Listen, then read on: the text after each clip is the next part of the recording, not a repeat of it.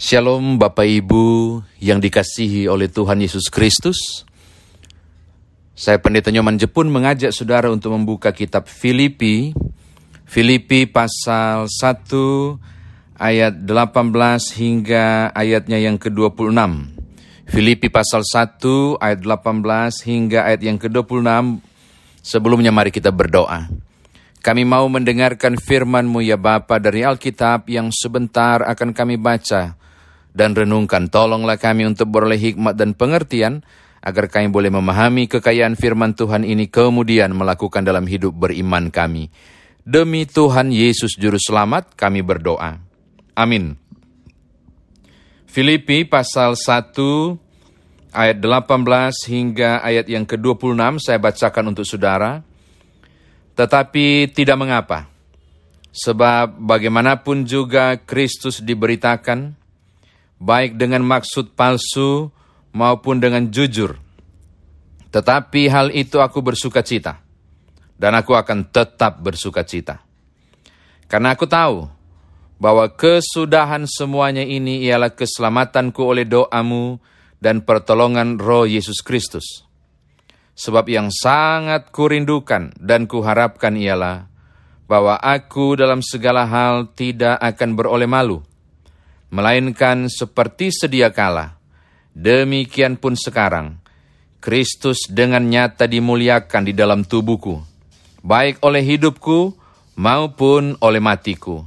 Karena bagiku, hidup adalah Kristus, dan mati adalah keuntungan. Tetapi jika aku harus hidup di dunia ini, itu berarti bagiku bekerja memberi buah. Jadi mana yang harus kupilih aku tidak tahu. Aku didesak dari dua pihak. Aku ingin pergi dan diam bersama-sama dengan Kristus. Itu memang jauh lebih baik. Tetapi lebih perlu untuk tinggal di dunia ini karena kamu. Dan dalam keyakinan ini taulah aku. Aku akan tinggal dan akan bersama-sama lagi dengan kamu sekalian, supaya kamu makin maju dan bersuka cita dalam iman. Sehingga kemegahanmu dalam Kristus Yesus makin bertambah karena aku, apabila aku kembali kepada kamu.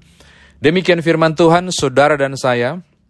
Dikatakan berbahagia jika mendengarkan firman Tuhan ini, merenungkannya, memberitakannya, dan melakukan dalam hidup beriman kita. Bapak Ibu, saya mengajak saudara membaca pasal ayat 18 sampai ayat 26 Filipi pasal 2 ini dengan cara saudara juga harus membaca dari ayat yang ke-12 supaya saudara memahami bagian ini dan kalau perlu Bapak Ibu membaca berulang-ulang dulu Alkitab, lalu kemudian perlahan-lahan memahaminya supaya uh, saudara mendapatkan sesungguhnya apa yang Paulus maksudkan dan itu sangat indah Bapak Ibu. Jadi saya uraikan sedikit.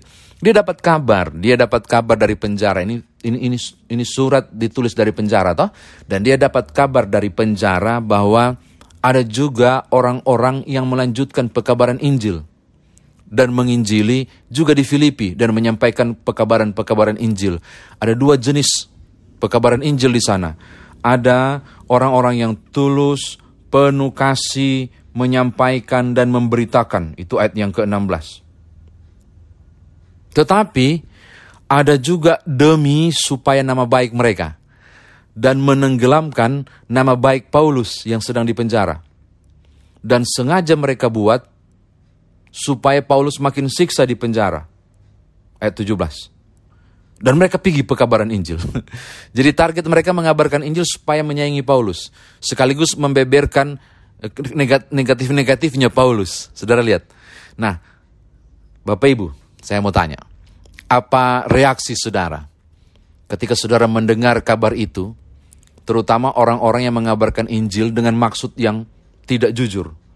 Situ bahasanya dengan maksud yang tidak benar, tidak jujur itu ayat 15, 16, 17. Lalu saudara yang disalahkan, tapi saudara lagi di penjara.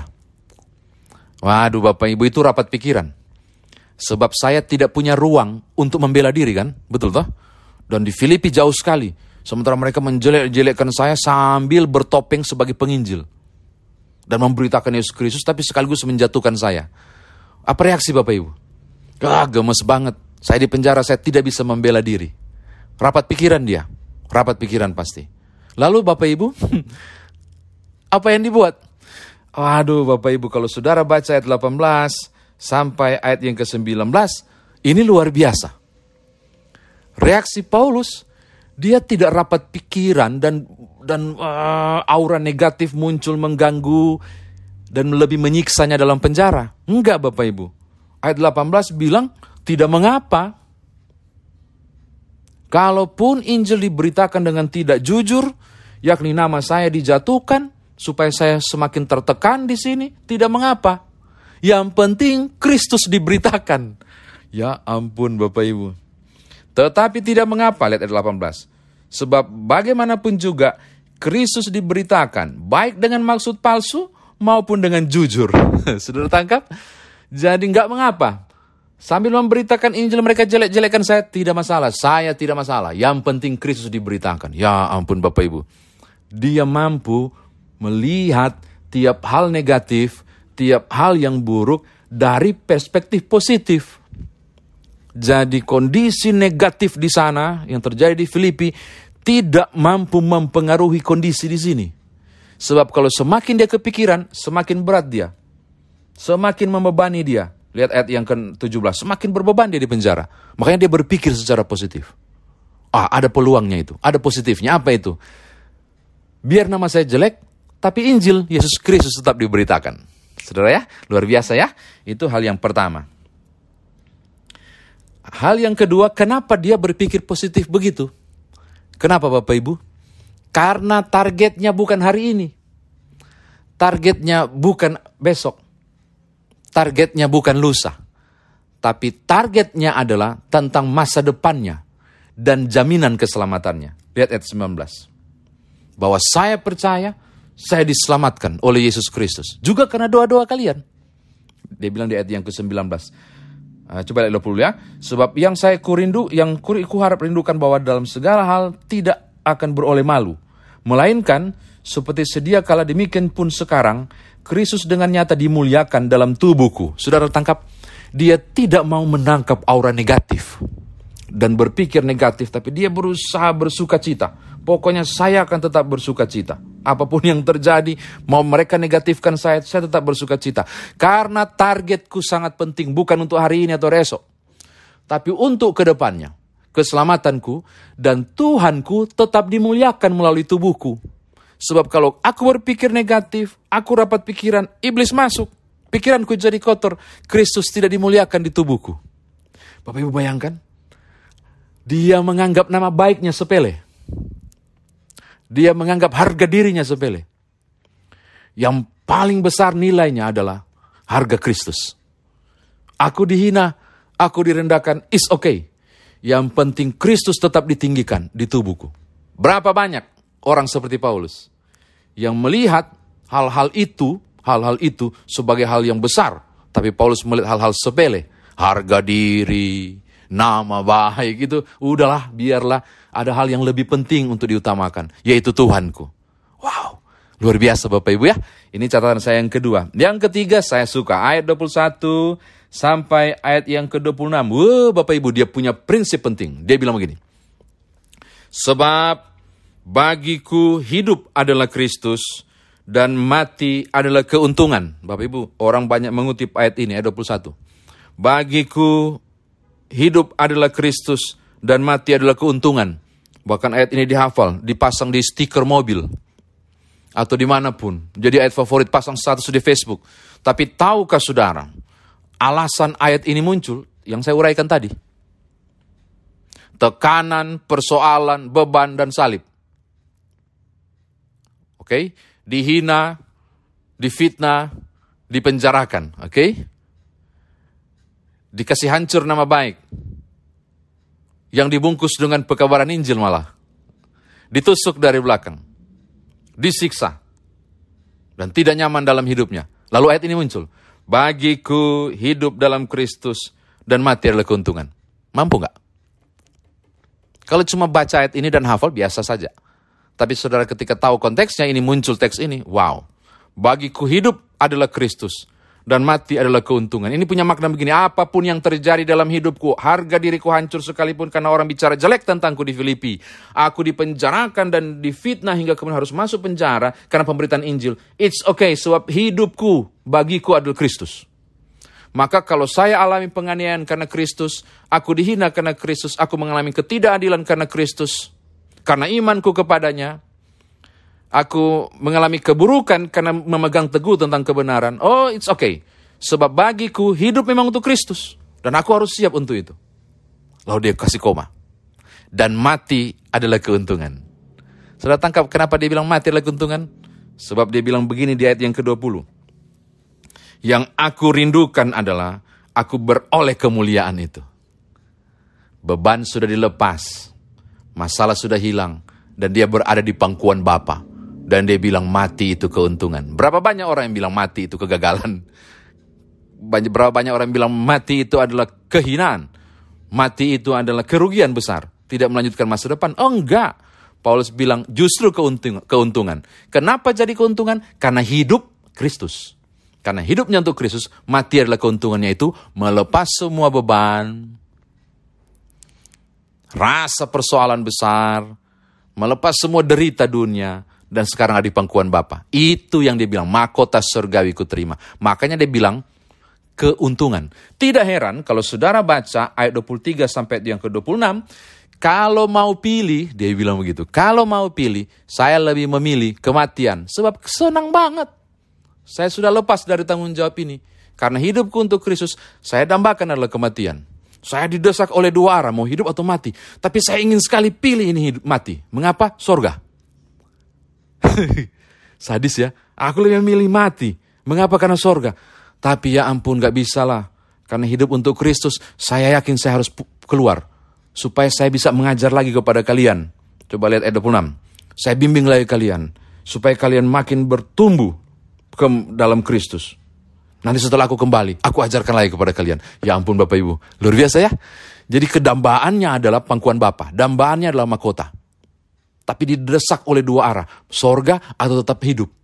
Ah, tetap hiduplah, supaya saya bisa ngajar kalian lebih baik, supaya kalian makin bertambah-tambah. Ayat 25-26, untuk kemuliaan Tuhan. Ini luar biasa. Saya kira demikian firman Tuhan ditafsirkan bagi kita.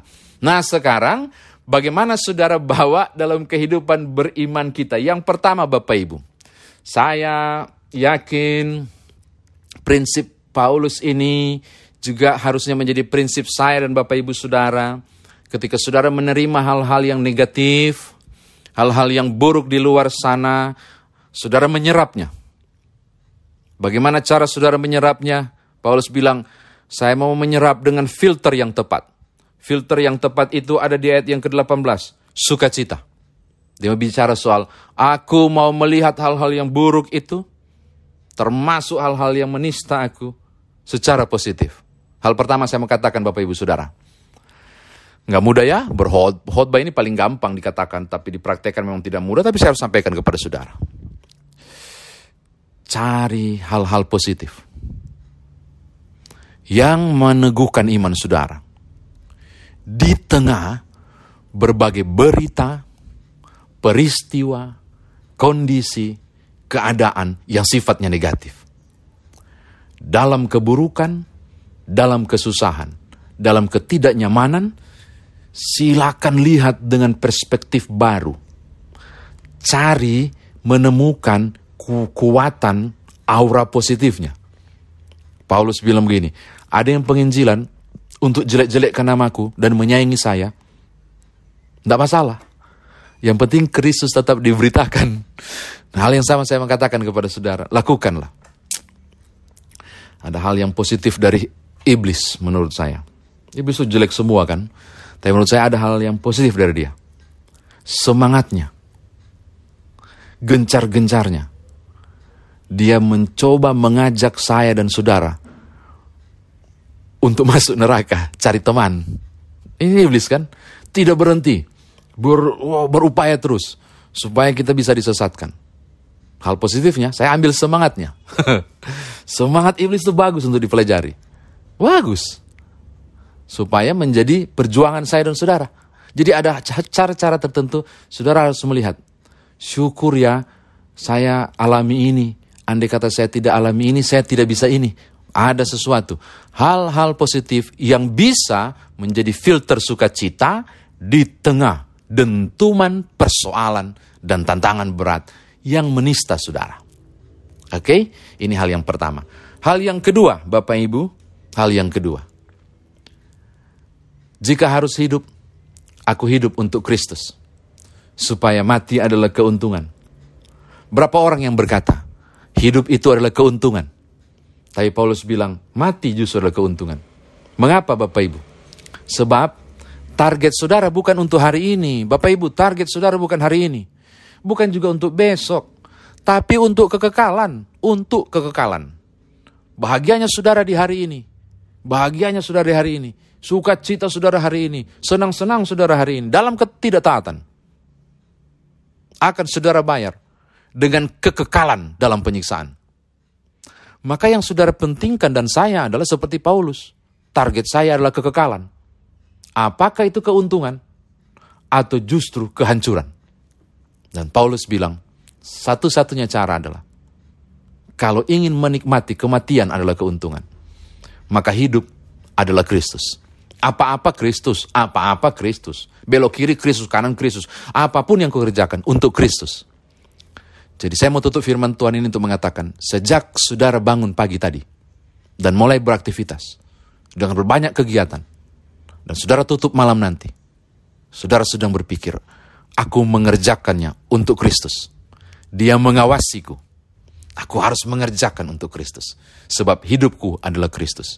Ketika saudara melakukannya, baru cocok stiker ayat 21 tempel di mobil. Atau hafal mati-mati ini ayat. Kalau enggak, enggak ada kuasa Bapak Ibu, enggak ada guna. Karena bagiku hidup adalah Kristus dan mati adalah keuntungan. Tapi jika hidup saudara tidak benar, tidak layak hafal ayat ini. Dan efek besar adalah saya tidak yakin saya punya kematian adalah keuntungan. Kalau hidup saya tidak untuk Kristus. Tuhan berkati Bapak Ibu, kiranya menjadi berkat. Haleluya. Amin.